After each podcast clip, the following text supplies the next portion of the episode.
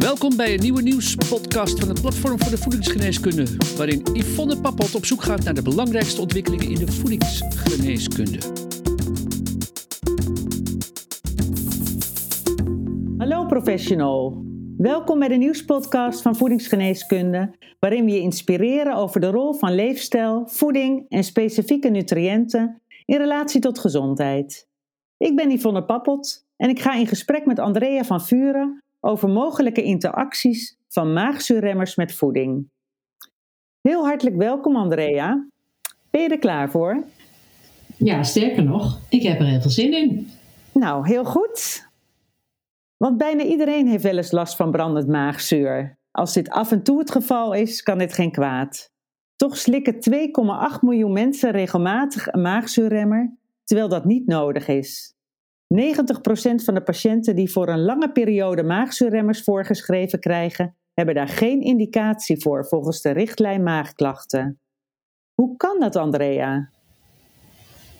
Ja, maagzuurremmers zijn behoorlijk effectief, tenminste in het dempen van symptomen. Dus ze kunnen snel symptomen zoals brandend maagzuur, oprispingen, zure oprispingen eh, en pijn verlichten, waardoor ze natuurlijk heel aantrekkelijk zijn voor mensen die die problemen hebben. En ze worden voorgeschreven als behandeling van een maagzweer of uh, slokdarmontsteking. En veel maagzuurremmers zijn ook zonder recept verkrijgbaar. Daardoor zijn ze natuurlijk heel makkelijk toegankelijk voor de gewone consument. En in sommige gevallen worden ze ook voorgeschreven als preventieve maatregel. Bijvoorbeeld mensen die vatbaar zijn voor maagzweren of voor die zure oprispingen. Of als mensen bepaalde pijnstillers uh, gebruiken die uh, de maagwand kunnen aantasten, dan worden ze ook standaard bij voorgeschreven. En ook soms bij klachten waarvoor ze eigenlijk niet bedoeld zijn. Zoals bij een moeizame vertering of een opgeblazen gevoel. En daar zijn ook nog heel veel andere oplossingen voor te bedenken. En uh, ook is het zo dat mensen vaak te lang doorgaan. Hè. Ze stoppen niet tijdig met het gebruik. En het zou zo moeten zijn, als je maagzuurremmers bij de drogist koopt zelf, dan zou je het advies moeten krijgen om ze niet langer dan twee weken te gebruiken. En als je op de bijsluiter krijgt, dan zijn ouderen een contra-indicatie. Nou, er zijn heel veel ouderen, weet ik, die maagzuurremmers gebruiken. Dus, en dat is allemaal niet voor niks. En uit onderzoek blijkt dat bij langdurig gebruik van maagzuurremmers risico op, uh, risico's op bijwerkingen optreden. En het afbouwen ervan, hoe langer je het gebruikt, hoe moeilijker het wordt. Ja, daar wil ik straks ook nog met jou uh, over doorpraten. Maar kun je eerst aangeven welke type maagzuurremmers er zijn en hoe ze werken? Je hebt drie soorten maagzuurremmers. Je hebt de protonpompremmers. En die worden eigenlijk het meest gebruikt. Zijn ook vrij verkrijgbaar.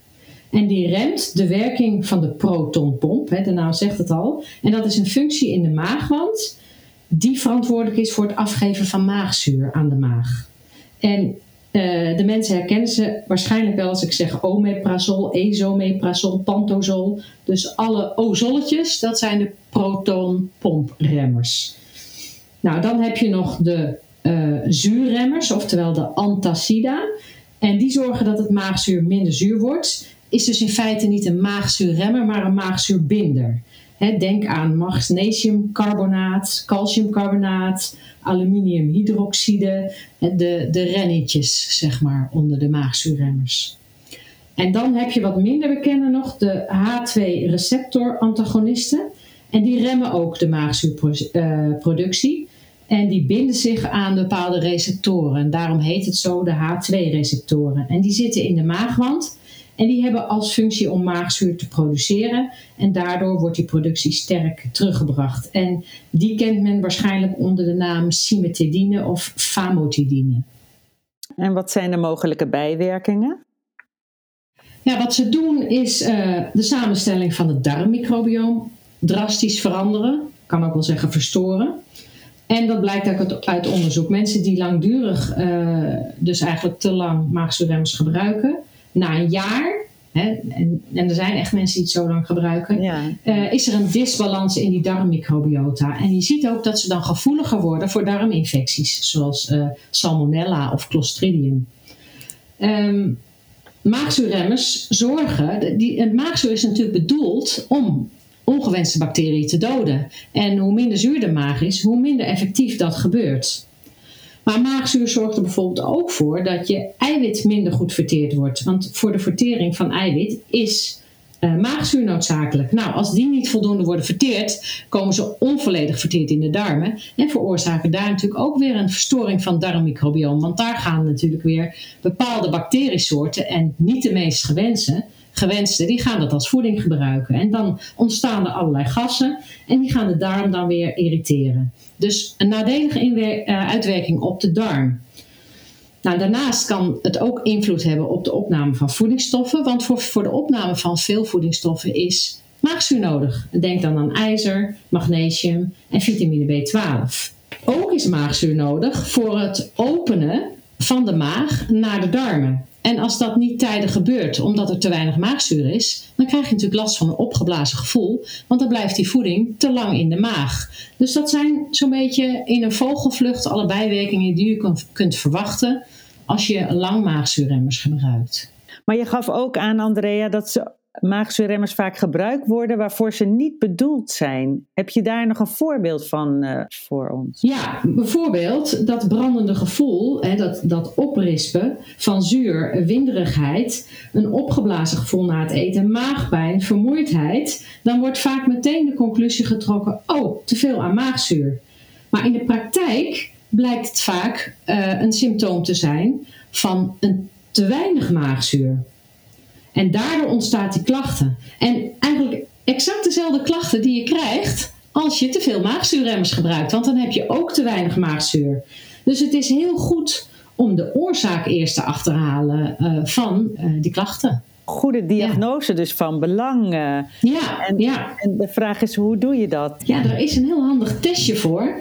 Dat heb ik ooit geleerd van een natuurarts, uh, Anna Kruiswijk. We hebben daar ooit een, een, een hele expert clinic over gegeven over uh, maagklachten. En dat was voor mij een eye-opener, want op dat moment had ik zelf ook heel erg last van maagklachten. En dat is een testje met baking soda, oftewel natriumbicarbonaat, wat je oplost in water. En dan moet je op een bepaalde manier doen. En dan moet je kijken of je daarna iets opboort. Uh, en uh, dat testje, dat, uh, dat kunnen we misschien beschikbaar stellen, Yvonne, aan de luisteraars. Deze test, die, de informatie is inderdaad beschikbaar op de podcastpagina van de website van voedingsgeneeskunde. Dus handig om dat testje te doen om te zien of je inderdaad te veel of te weinig maagzuur hebt. Maar je kunt het ook op geleide van symptomen doen.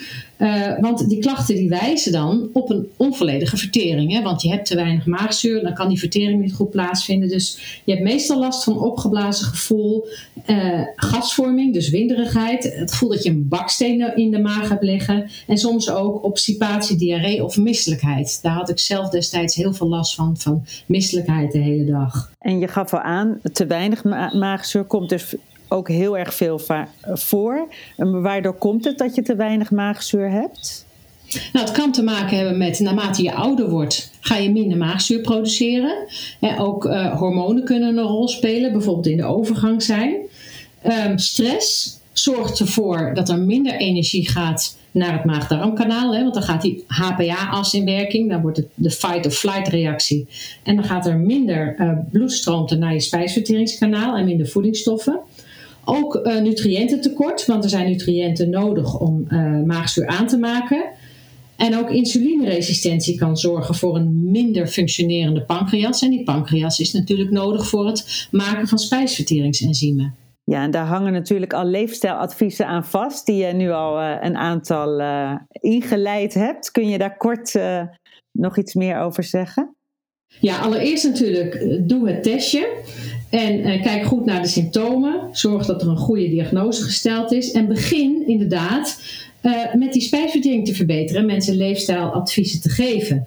En allerbelangrijkste is dan probeer ook te ontspannen tijdens het eten. Hè, je moet de mensen de kost geven die achter de computer eten of, of voor de televisie. Goed en grondig kouwen. En als je goed koudt, dan heb je al de helft gewonnen met het spijsverteringsproces natuurlijk. Um, het is goed om uh, je klachten in kaart te brengen door een leefstijldagboekje bij te houden bijvoorbeeld. Ehm, als je overgewicht hebt, dan helpt dat niet mee. Dan heb je eerder last van reflux. Slapen is belangrijk. Eh, je kan het hoofdeinde bijvoorbeeld van het bed wat omhoog doen, waardoor je minder last hebt van reflux. Stoppen met roken kan mogelijk ook refluxklachten verminderen.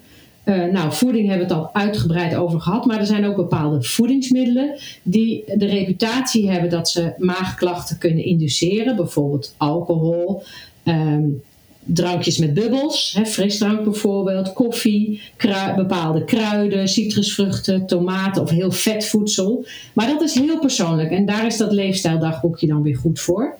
En om uh, dat maagzuur wat meer de kans te geven om, om uh, eiwitten te verteren, iets minder eiwitten en minder snelle koolhydraten, waardoor je ook die pancreas wat ontlast. Nou, stress is een hele belangrijke als gezondheidsprofessional waar je mee aan de slag kan met je cliënt.